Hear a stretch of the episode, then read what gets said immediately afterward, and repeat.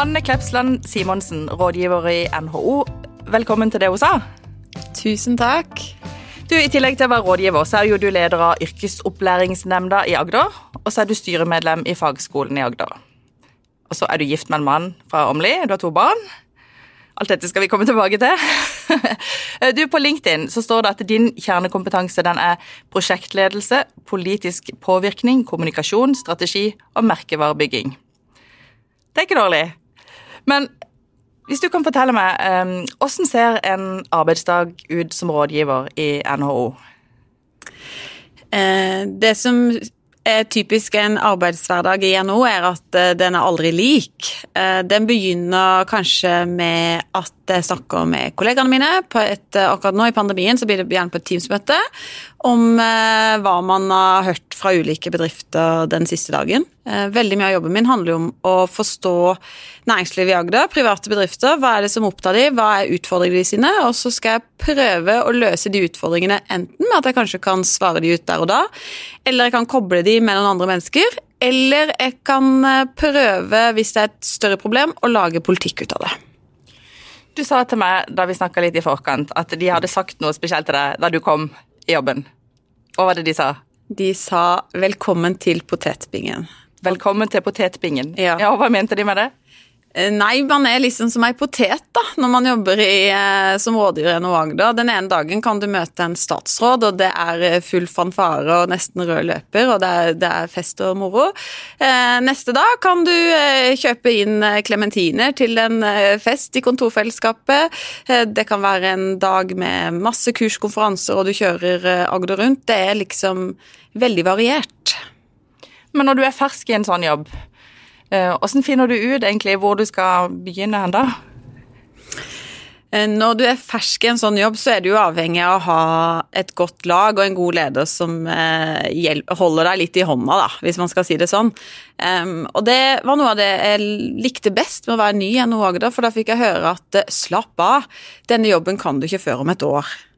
Og da ble jeg litt sånn Hæ, skal jeg ikke jobbe og prestere? Og skulle jo selvfølgelig det, men det er noe med å gi deg tid og ro til å bli kjent med folk. Veldig mye av den jobben handler jo om å kjenne folk, forstå komplekse problemstillinger, og det klarer du ikke på ei uke eller to. Det tar tid. Men du, du liker jo å ha litt sånn åpne arbeidsdager, har jeg skjønt. Du lir å kunne bestemme, bestemme litt sjøl og, og, og, finne innholdet. Men blir du litt usikker òg innimellom, eller har du vært det? Man er jo alltid, eh, eller er i hvert fall usikker når man er ny, for det er jo eh, eh, Det finnes liksom ikke en oppskrift på det, men det er kanskje også en av styrkene mine at jeg liker når ikke det er en oppskrift. Jeg liker at det skal være litt fritt, at man kan finne ut av ting sjøl. Det er da jeg det er da jeg kjenner at jeg lever, det er det jeg får energi av og får indre motivasjoner. Men hvordan strukturerer du dagen din? Ja, hvordan Jeg Huet mitt er veldig strukturert, eh, og så har jeg sånn eh, Alle med Windows, eh, det her Office-pakka. Jeg har OneNote som bare forteller meg dette skal du gjøre i dag, dette må du huske, tenke på seinere, her var det en idé. Altså man Jeg har en sånn gigantisk digitalt gladdark som jeg bare kjører alt inn i, og så tar jeg det derfra. Du, i NHO, hva er det viktigste man skal levere på der?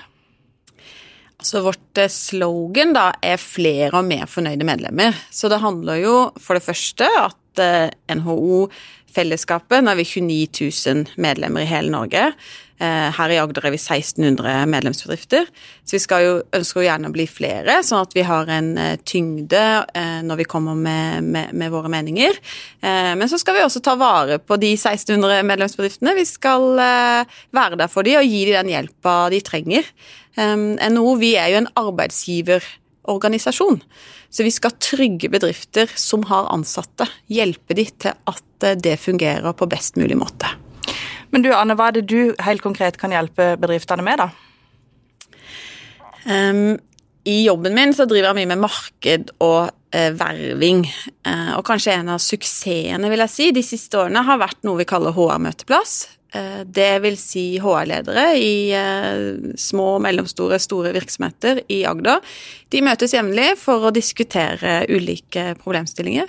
Og så har jeg funnet ut av det at eh, Da jeg begynte med det, så er man nå litt eh, fersk, og da tenkte jeg nå må jeg bare presentere problemet og løsninga med en gang eh, til de. Eh, mens det har gått seg veldig til, så nå er det sånn at vi er gjerne ute hos en bedrift. Det var litt sånn før pandemien, nå er vi digitale, men før pandemien så var vi gjerne ute på besøk hos en bedrift. De fortalte noe de lykkes med, og noe de har utfordringer med, og så diskuterte man det.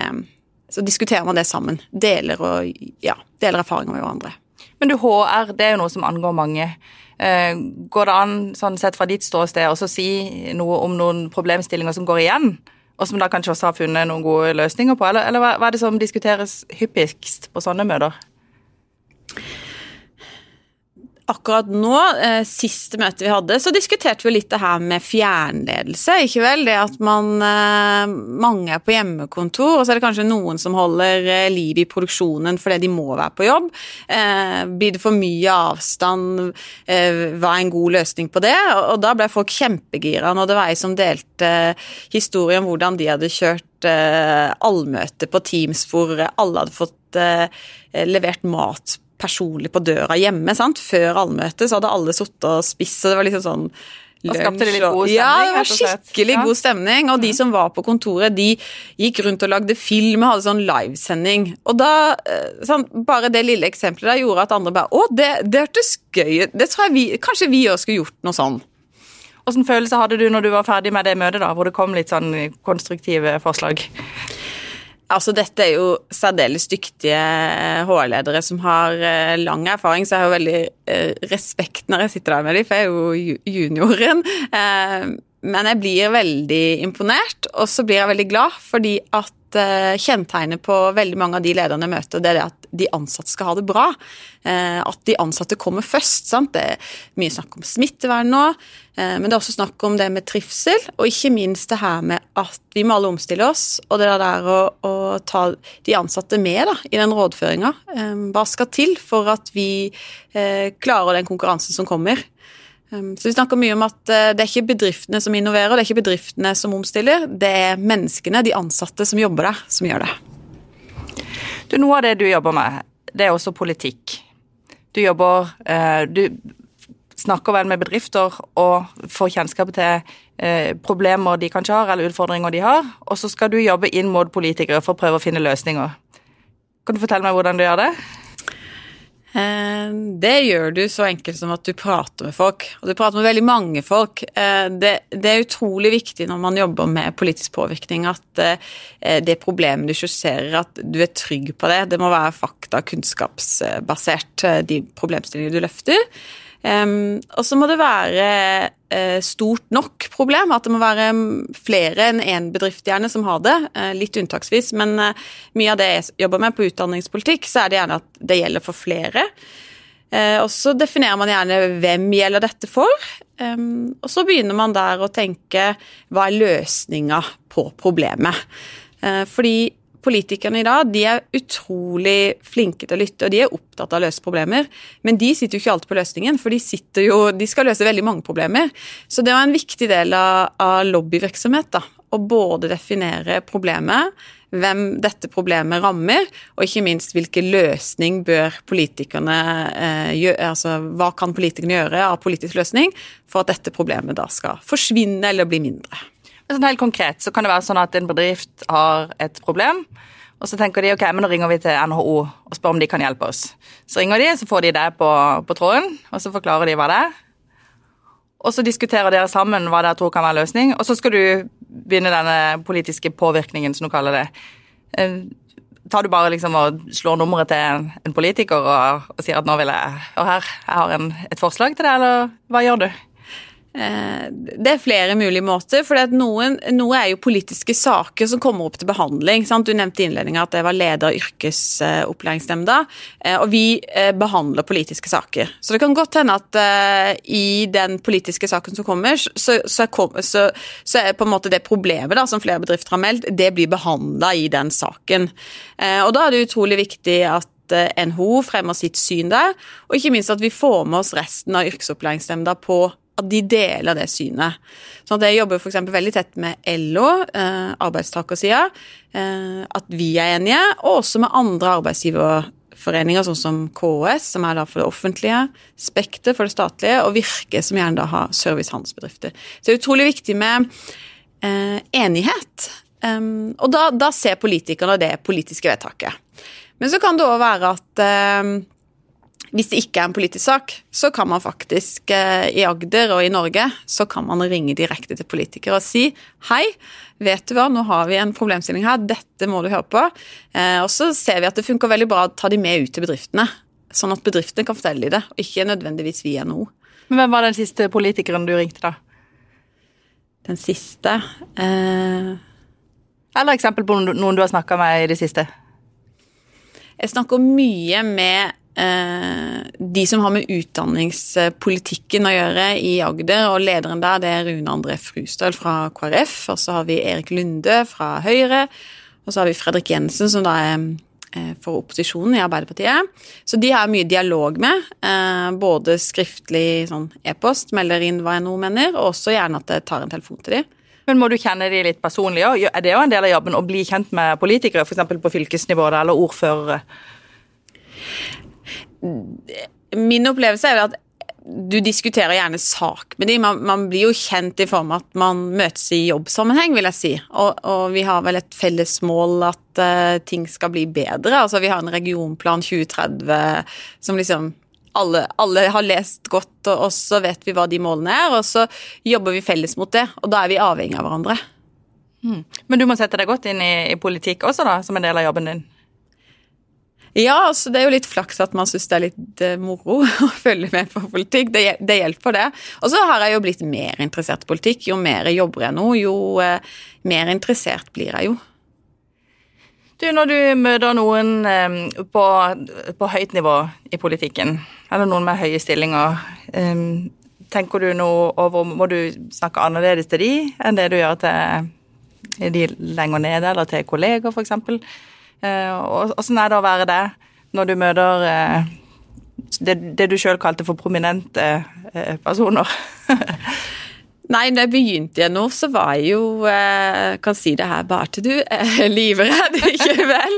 Eh, daglig ring, ring den, så var det daglig leder. Eller kontakt det kontoret i det departementet. Da, ja, sant, man blir litt sånn øh, hvem er de og Nei med, liksom. Men så finner man ut av, for dette begynner man jo å gjøre, så finner man ut at uh, uansett stillingsnivå, så er jo folk uh, bare, bare, folk. Altså folk, Det er vanlige mennesker som, som liker å prate om uh, selvfølgelig bedriften sin eller den politikken de, de står for, men, men, de er jo helt vanlige folk. Så jeg kan jo fortelle en historie fra um, NHO. Vi har en eh, middag hver januar før den store årskonferansen til NO i Oslo. Eh, og Der deltar gjerne de statsrådene som vi eh, ser på som sørlandske, da, i tillegg til sørlandsbenken, og ledere for store bedrifter her i, i Agder. Og Da ble jeg sittet med Den gang så var Monica Mæland kommunal- og moderniseringsminister, men nå er hun vel justisminister. Men hun satt der blant annet, så var det to ledere i større virksomheter her i Kristiansand. Og Først så snakka man selvfølgelig litt om regionreformen, og at dette, i Agder hadde vi jo faktisk ikke krangla. Dette var jo veldig positivt. Eh, men så, så peisa liksom samtalen over til øvelseskjøring for 16-åringer. Så jeg tenker, Og det var veldig god stemning rundt det bordet.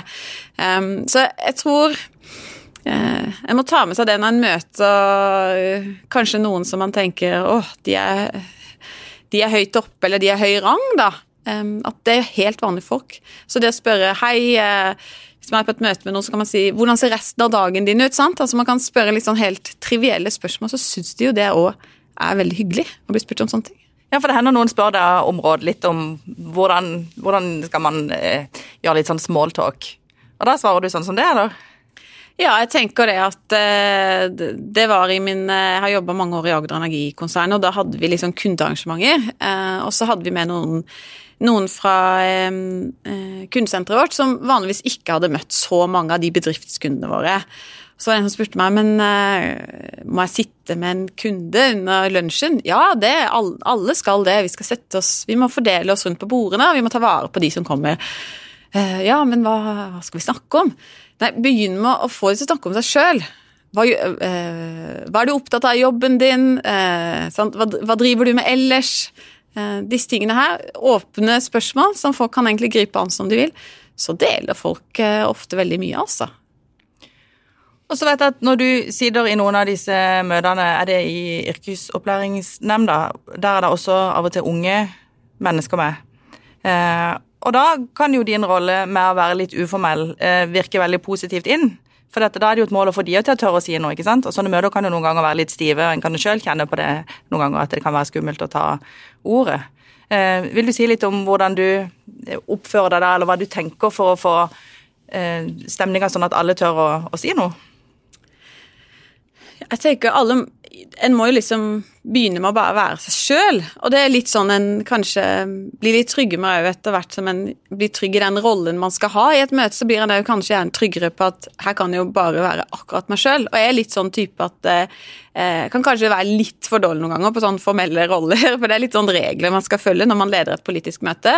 Men jeg kommer gjennom det. Jeg har en veldig god støtte i en eh, fra politisk sekretariat i fylkeskommunen som hjelper meg, Marion, så hun, hun holder meg i strikken. og så leder jeg, og så tenker jeg det at vi er nevnt på 15 eh, personer. Og det som du sier, det er iallfall tre ungdommer der under, eh, under 18 år, eller ja, rundt om 18 år.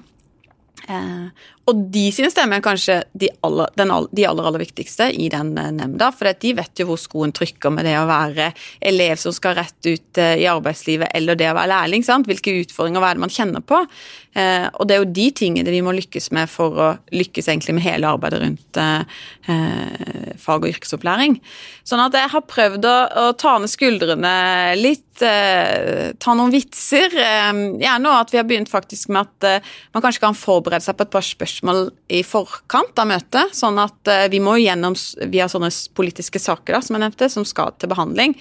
Eh, men òg gjerne at man har kanskje en runde rundt bordet. sant? når da jeg var helt ny i arbeidslivet, så fikk jeg eh, råd av en han bare Jeg begynner alltid et møte med 'hvordan var morgenen din?' hvis det var et morgenmøte. For liksom, da kom alle på banen med noe sånn ganske ufarlig, da. Jo, nei jeg måtte skuffe bilen eller sant? Altså, fikk, ja, Man får varma opp litt? Ja, du får varma opp. Og så får du tømt litt kanskje det som huet ditt egentlig tenkte på hvis det var litt sånn strabasiøs morgen, eller du får delt noe hvis det var noe veldig hyggelig som hadde skjedd den morgenen.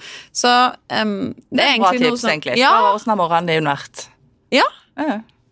Men ellers i denne nemnda, hvis du skal si, eller forklare litt kort, da, hva, hva er det egentlig dere gjør, sånn at folk skal skjønne hva det, hva det dreier seg om?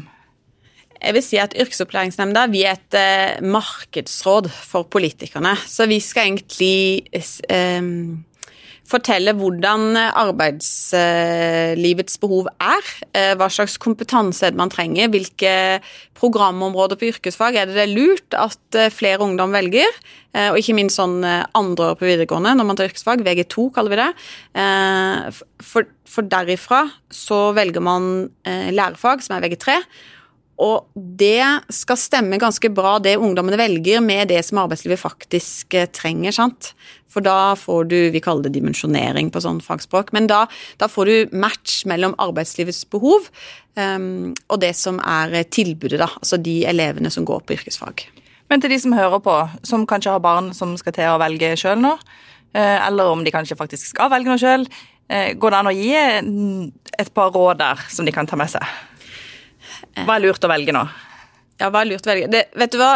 All forskning viser at det er veldig lurt å velge det du er interessert i. For Hvis ikke du er motivert for det du holder på med, så er det veldig vanskelig å lykkes også.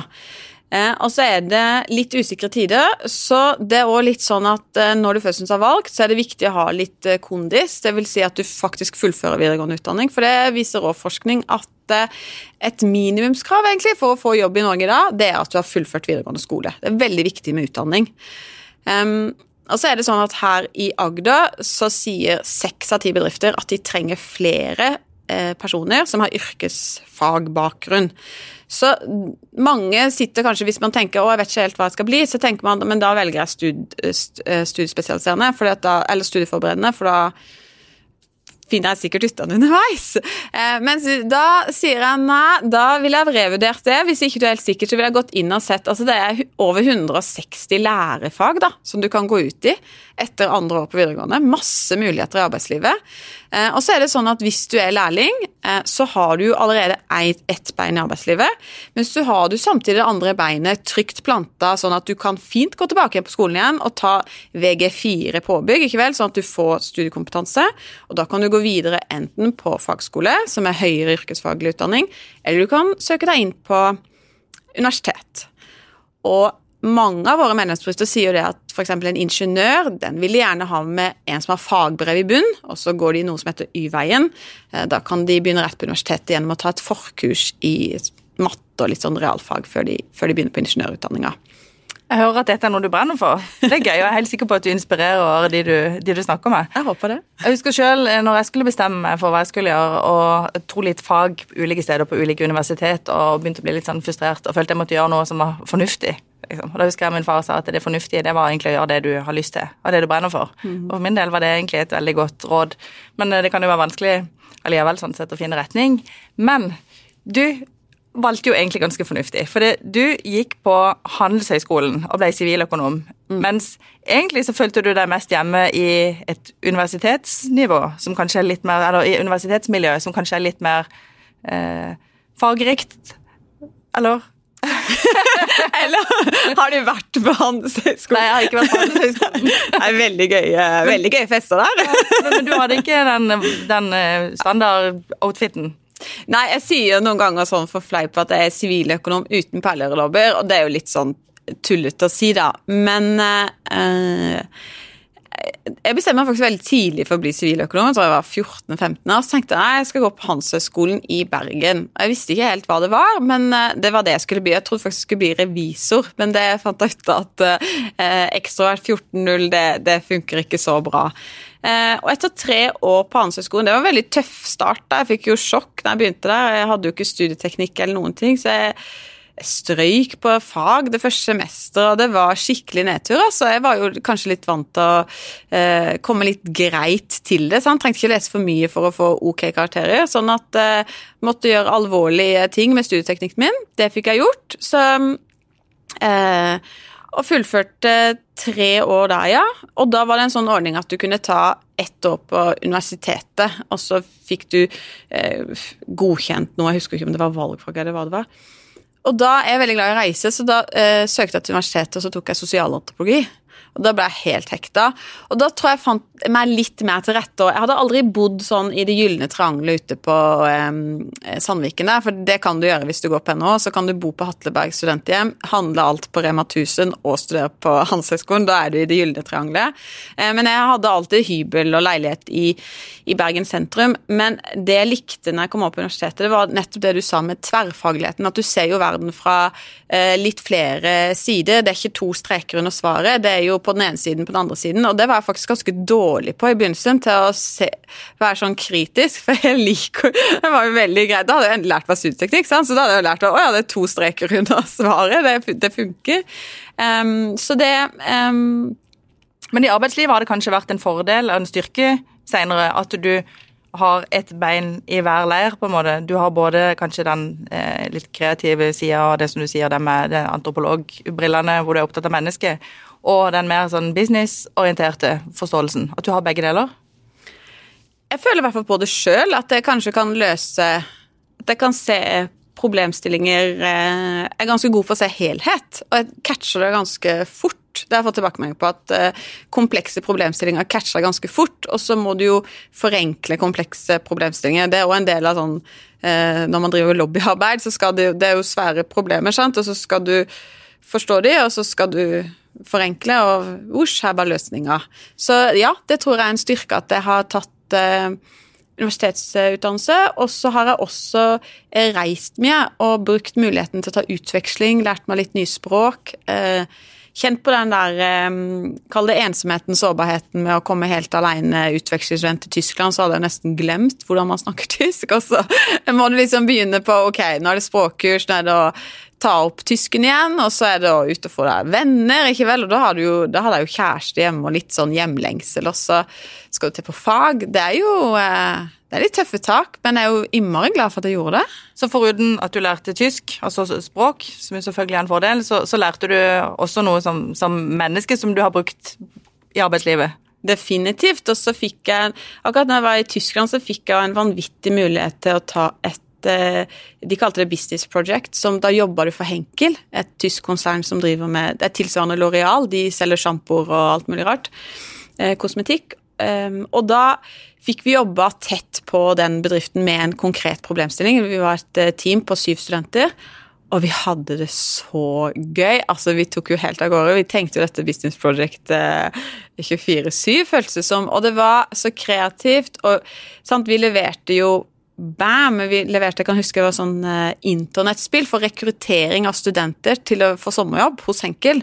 Vi designa hele, eh, og prosessen og hvordan vi skulle markedsføre det. og så mye man lærer der, eh, og det tror jeg fikk Jeg husker ikke det var ti studiepoeng eller hva det var. men den erfaringa der har tatt veldig med meg hjem. Da nå snakker vi mye om arbeidslivsrelevans i utdanning. Jeg kan skrive ned på at man lærer vanvittig mye gjennom å gjøre sånne prosjekter, da.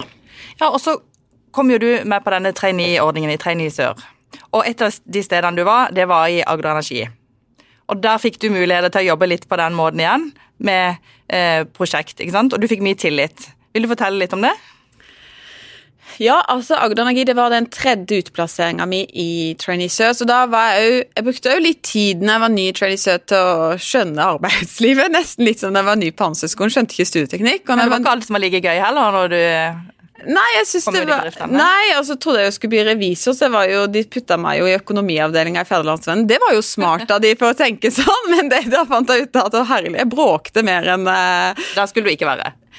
De var superbra folk, altså, eh, og lærte meg mye. Men det var jo bare Man finner ut av hva man ikke skal holde på med. Det, det er jo en viktig del av trainee-tilværelsen. At man kan nå eh, velge luke bort. Man er jo ganske privilegert, da. At man, man, kan gjøre det i, i trainee-perioden. Men i tredje periode så kom jeg da inn i Agder Energi, og de skulle Jeg ble bare presentert sånn kjapt at de skulle gjøre seg mer attraktive for studenter. Og da kom jo all følelsen tilbake igjen fra det tysklandsprosjektet, hvor vi bare hadde vosja rundt med dette internettspillet. sant? Masse ideer og drive og energi. Jeg hadde til og med skrevet siviløkonomutredning om dette temaet. Og jeg bare kom inn der med masse energi, og så var vi eh, et team på flere jevnaldrende, sånn helt ferske i arbeidslivet-gjeng. Jeg tror vi var fire stykker. Og så fikk vi lov å presentere tankene våre. Da jeg var prosjektleder, så jeg presenterte tankene våre. Og så ga de sånn Dere kan velge small, medium, large på budsjettet. Eh, og da satt eh, den gang HR-direktør Finn Rune Johansen sa, så smalt han eh, hånda i bordet og sa ja, men det er greit, jeg gir deg én million. Og vi var én million! Det er jo dritgøy! Det var helt sånn der. Jeg bare, Det er sagt an i ettertid at du, du aner ikke, Finn, hvor mye den hånda i bordet og millionen betyr. da. Vi var så gira. Jeg blir sånn, jeg blir du blir enda gira? når Ja, jeg kjenner den ja. følelsen av hvor gøy vi hadde det. Og det var så god stemning. Også, Men du leverte på det? Ja, for det er det som er viktig. sant? Det skal jo ikke bare være gøy, du må levere òg. Men det klarte vi. Og det er jo, eh, det er jo en balansegang. sant? Det kan fort bli veldig gøy at man glemmer hva var målet her. Eh, men heldigvis så hadde vi det med oss òg. Så en må ha litt struktur på det hele. Og den erfaringen har du tatt med deg videre. For det å gi tillit til de du møter, som du har oppgaver til, eh, det er viktig. Og, og ikke detaljstyre. Stemmer det? For meg funker det veldig bra å ikke detaljstyre. Og så har vi hatt nå eh, tre år på rad internship-studenter fra hva, hva, kalte du det? Internship, altså ja. litt sånn praksisstudenter fra eh, Universitetet i Agder. Eh, de går gjerne siste året på en master, så de begynner å bli eh, altså ganske voksne, gjerne 4-25 år, og har lang studieerfaring.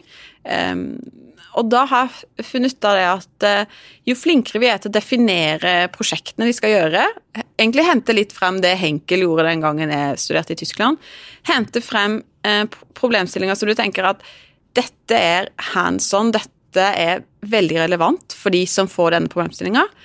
eh, da kan du egentlig bare la de løpe av gårde, for det blir så bra. Og i år så, eller i høst, da, så var det jo pandemi, og vi, vi hadde såpass strengt at disse studentene fikk ikke engang lov til å komme inn i kontorlokalene våre. Det skal de egentlig, men vi fikk gitt dem noen møterom i første etasje vi, vår, i våre kontorfellesskaper. Og så hadde vi en del sånn statsoppdateringer på Teams en gang i uka, eh, og så ringtes vi jo hvis det var noe. Men altså, hva de har prestert og levert, eh, er så imponert. Det er jo virkelig over hva vi hadde forventa, altså. Og da tenker du at noe av det som eh, har vært suksesskriterier der, har vært at de har fått lov å gjøre det litt til sitt prosjekt?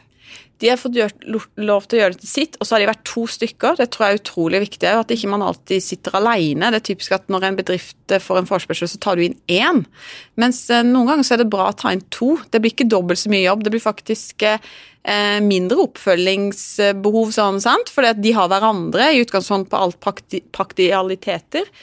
Og så har de ikke minst hverandre til å være kreative og finne på ting. og, og tørre kanskje å prøve ting på hverandre før de presenterer det til, eh, til oss. da. Mange bedrifter sier at de elsker å få inn studenter som faktisk kommer med noen gjennomtenkte forslag. sant? At du faktisk gjør en sånn jobb før du presenterer 'her er ideen'. Når du forteller det at det er viktig at de er to, så tenkte jeg på noe annet du fortalte meg, nemlig det hvor viktig eh, noen av de relasjonene du har fått på arbeidsplassen, hvor viktig de har vært for deg senere i arbeidslivet også. Eh, du brukte et uttrykk som 'mamas og papas'. ja. vet du hva. Eh, det der å finne noen sånne eh, nære rådgivere det er veldig viktig. Og så kan man jo selvfølgelig bruke eh, venner eller familie, men for meg så har det funka veldig bra å finne noen eh, gode rådgivere på eh, jobben der jeg er. Um, og det fikk jeg fra første dag i Federlandsvennen da jeg var trainee der. da. Eh, så satt jeg i en sving der og kikka rett over på eh, eh, det som nå er blitt en veldig god venninne, um, men som var utrolig viktig sånn støtte på vei inn i arbeidslivet. Um, og når jeg kom inn i Agder Energi også, så, så fikk jeg en sånn der Jeg kaller henne bare Mama, for det er hun eh, En sånn helt spesiell person som bare møter et prosjekt som du bare kjenner her er det noen connections, dette må jeg ta vare på. Eh, og så kan du ringe og dele og eh, spørre om råd da, når ting er litt vanskelig eller når man er litt usikker. Det er veldig viktig. Og så syns jeg også det er viktig f.eks. Agder Energi som er en veldig stort, stor bedrift, mange mennesker det er viktig selvfølgelig å bli kjent med de du jobber sammen med i det daglige, og lederen din og, og liksom de, men det er òg viktig å bli kjent med eh, de som jobber i resepsjonen, de som jobber i kantina, IT, andre avdelinger. Forstå hva er det de andre holder på med. At man liksom bruker kanskje den kaffe, kaffeautomatstunda til å spørre å ja, hvor jobber du hen, og hva driver dere med nå? At man er litt nysgjerrig på andre, for eh, da blir du kjent får du nettverk, og så plutselig så trenger du hjelp til noe. Så bare Ja, men du, de fortalte jo Da må jeg bare Vi kan spørre de. Du snakker med alle, egentlig? Det Alle orker sikkert ikke det. men uh, vær litt nysgjerrig. Det tror jeg er veldig bra. Og, og liksom uh, være åpen for uh, det, det vil alltid komme nye mennesker inn i livet ditt, og det er veldig bra. Vi har jo en sånn fast post her i det hun sa, som handler om å fremsnakke noen som har betydd noe. Um, har du lyst til å fremsnakke noen av de du har nevnt nå, eller har du tenkt på noen andre? Um, jeg syns det er vanskelig å velge én, for det er så mange som uh, har betydd noe. Så betyr man uh, ulikt på ulike uh, faser i livet. Men jeg tror nok jeg vil nevne Finn igjen, altså. Finn Rune Johansen. At det å være en direktør helt opp på toppen i konsernledelsen i Agder Energi og vise sånn tillit til eh, unge mennesker som kommer inn med ideer eh, og tenker at vet dere hva, vær så god, scenen er deres, eh, kjør på. Det, og så hanka han oss inn igjen, sant? Hvis det, det blei for mye Hvis han tenkte at hva, hva er dere på nå? Men det å, å vise tillit til de, til de yngre Um, når jeg var helt ny i NHO, så ble jeg spurt om å holde sånn uh, innlegg om liksom uh, talenter i arbeidslivet. Hva er egentlig det? Um, og da avslutta jeg med liksom bedrifter gjerne ta et generasjonsråd. Og det er egentlig litt det Finn gjorde. at man, eh, Når man har lang erfaring i arbeidslivet, at man også hanker inn de aller yngste i bedriften og sjekker ting. Hva tenker dere om det? Og ikke minst gi de aller nyeste, de yngste som kommer inn, noen oppgaver som tenker dette er gull verdt for de. Generasjonsråd. Ja. Du, du nevnte dette med, med han sjefen som har betydd uh, mye for deg der. Men det å ha et godt forhold til ledelsen innebærer jo at det er en tillit. Uh, og så kan det jo komme perioder i livet hvor ting kanskje er litt tøft på hjemmefronten. Det kan være sykdom, eller det kan være andre ting. Uh, du har jo gjort deg noen erfaringer der òg. vil du dele litt av de erfaringene? Um, ja, når jeg var ehm, Jeg har jo to barn. Eh, de kom ganske tett, eh, så de skiller 18 måneder. Så jeg var jo liksom hadde to barn under tre år en periode der. Eh, og så hadde jeg fått et vanvittig kult prosjekt hvor jeg var med og rebranda et svensk selskap til Los Energy, var det en merkenavnet den gangen. Og vi bare Det var full, sant, fullt kjør. Det er nesten dagpendla til Stockholm en periode, føltes det som. Altså, sant? Du var hen i Stockholm, eh, gjorde jobben, tilbake igjen. Det gikk eh, unna. Eh, samtidig på hjemmebane så, så, var det noe som skjedde eh, med han ene sønnen min. Han slutta å snakke. Eh, så det var knalltøft. Eh, og da går du egentlig fra å være vanvittig Du tenker at det, dette jeg drømte om da jeg studerte, nå, dette er bra på jobben, liksom. Eh, og så er det noe som skjer på hjemmebane nå som eh, var en virkelig strek i regninga, sant? og som du tenker at dette får jeg ikke til. Jeg klarer ikke både det med jobben nå og det hjemme. Um, og det der å være åpen om det, iallfall til den, din nærmeste leder, og fortelle det akkurat sånn som det, det har jeg hatt um, Det har funka bra for meg. At da får du òg Når du deler, så får du òg forståelse, og så finner man løsninger. Det, det, stiller jo krav til arbeidsgiveren at, at sånn er det. Um, men jeg opplever at det å være åpen om det, det, det lønner seg, da. I det lange løp. Og så blei jo dette tatt med meg De spesielle utfordringene som min eh, sønn hadde, de, de, har, de, har, han tatt med seg, og vi har holdt på med dette i ma mange år. sånn at det var òg en viktig del å fortelle faktisk når jeg, når jeg bytta jobb. At det er en del av min pakke. At jeg har òg en, en, som trenger litt mer oppfølging på hjemmebane. Eh, og det betyr kanskje at det noen ganger trenger å være på et hjemmekontor. Og det var før korona, så da kalte vi det jo GJ, hjemmekontor. Ehm, men for meg så er det hjemmekontor, akkurat som man har blitt kjent med korona, at det, funker bra å være produktiv. Og så funka det bra for vår familie, sant. Hvordan det hang i hop, da. Men da må en være åpen, og da eh, byr en jo på seg sjøl. Um, ehm, en er gjerne litt sårbar, for det er jo ikke noe Man kunne gjerne vært det foruten, men sånn var det nå. Um, så det, det, er litt vondt, men jeg vil anbefale å gjøre det. For eh, jo mer man deler, jo mer forstår eh, den lederen din. Og det hører jeg jo nå med i dette HR, HR-møteplassen som vi snakka om. Det at eh, de ansatte er åpne og ærlige om også de vanskelige tingene. Man finner løsninger. Det gjør man. Du, når jeg inviterte deg til å være gjest i podkasten, så responderte du vel med at du jo ikke har en, en lederjobb. Eh, og det trenger jo ikke alle å ha. det er jo veldig interessant å høre om alle slags jobber, synes jeg. Men eh, hva tenker du er dine ambisjoner fremover sånn i forhold til arbeidsliv? Hvor er du om fem år?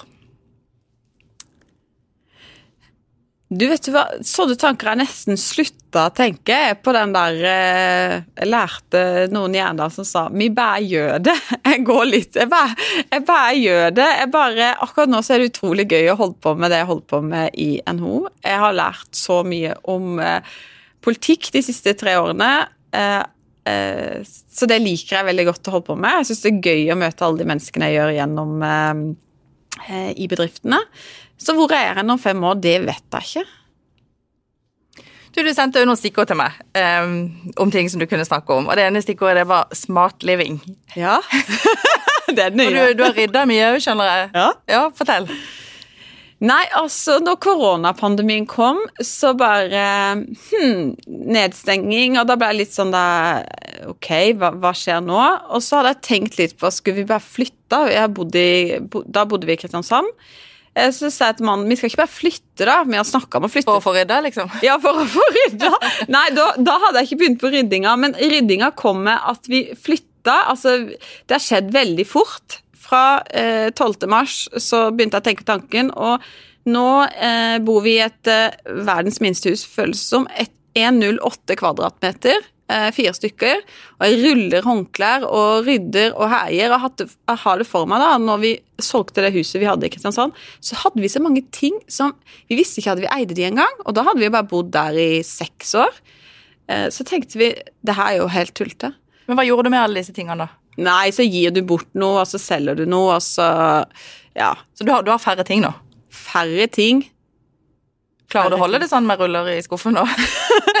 det, det, er den store testen, så du får invitere meg tilbake gjennom et år og høre om jeg ruller, ruller videre. Men jeg har blitt så gira. Jeg, har lest Synnøve rydder opp-boka sikkert fem ganger, og blir så inspirert. Og um, jeg ser at det funker, altså. En trenger veldig lite ting. Jeg ble også inspirert av det, men det varer liksom ikke så lenge. Men jeg har bare lest disse bøkene én gang. Du må lese de flere ganger. Og så tror jeg det hjelper jo å, rydde, altså, å flytte. Det hjalp jo mye for oss, sant? for da må du gjennom den ene ryddesjauen. Og så bodde vi midlertidig i 60 kvadratmeter med fire stykker. Det hjelper òg på at du skjønner at det er faktisk ganske lite man trenger. Eh, så nå føles det som at vi bor i et palass på 108 kvadratmeter. Men det å nedskalere og rydde, det er jo konkrete, gode tips som jeg tenker alle kan, kan bruke. Så er det kanskje ikke alle som vil eller kan flytte. Eh, Nei. Men eh, du skal få lov til å dele andre tips også, som du har. Det er også en fast post. Har du noen, eh, har du noen råd du vil komme med? Um, da jeg ble invitert, så var det litt sånn som du sa med um, Tenk at kanskje de du snakket er nye i arbeidslivet, eller um, Ja. Det, jeg tenker er man ny i arbeidslivet, så eh, vi er litt sånn strenge med oss sjøl. Ikke vær så streng med deg sjøl. Tenk at eh, det er bra nok. Eh, gi deg sjøl litt slack og litt tid. Det er veldig enkelt å gi det rådet, for jeg er ikke noe flink til å gjøre det sjøl. Eh, men, men, jeg har vært eh, iallfall når jeg kom til NHO, så var det første de sa Husk, det tar et år å kunne denne jobben. Altså, gi deg sjøl tid. prøv å senke skuldrene. gjør så godt du kan. Um, men vær, vær, snill, vær grei, vær nysgjerrig. Uh, aldri lukk ei dør. Tenk, og hvis ei dør lukkes, tenk at da åpner det seg en ny en. Man er litt sånn nysgjerrig og søken. Det er egentlig mitt råd. Anne Klepsland Simonsen, tusen takk for at du kom til det hun sa og Fedrelandsvenn. Tusen takk for at jeg fikk lov å komme. Du har lytta til Fedrelandsvennens podkast Det hun sa med Birgitte Klekken. Har du tips til andre bra damer vi vil snakke med, eller har du lyst til å dele inspirerende erfaringer fra ditt arbeidsliv? Ta kontakt på dethosa1fn.no.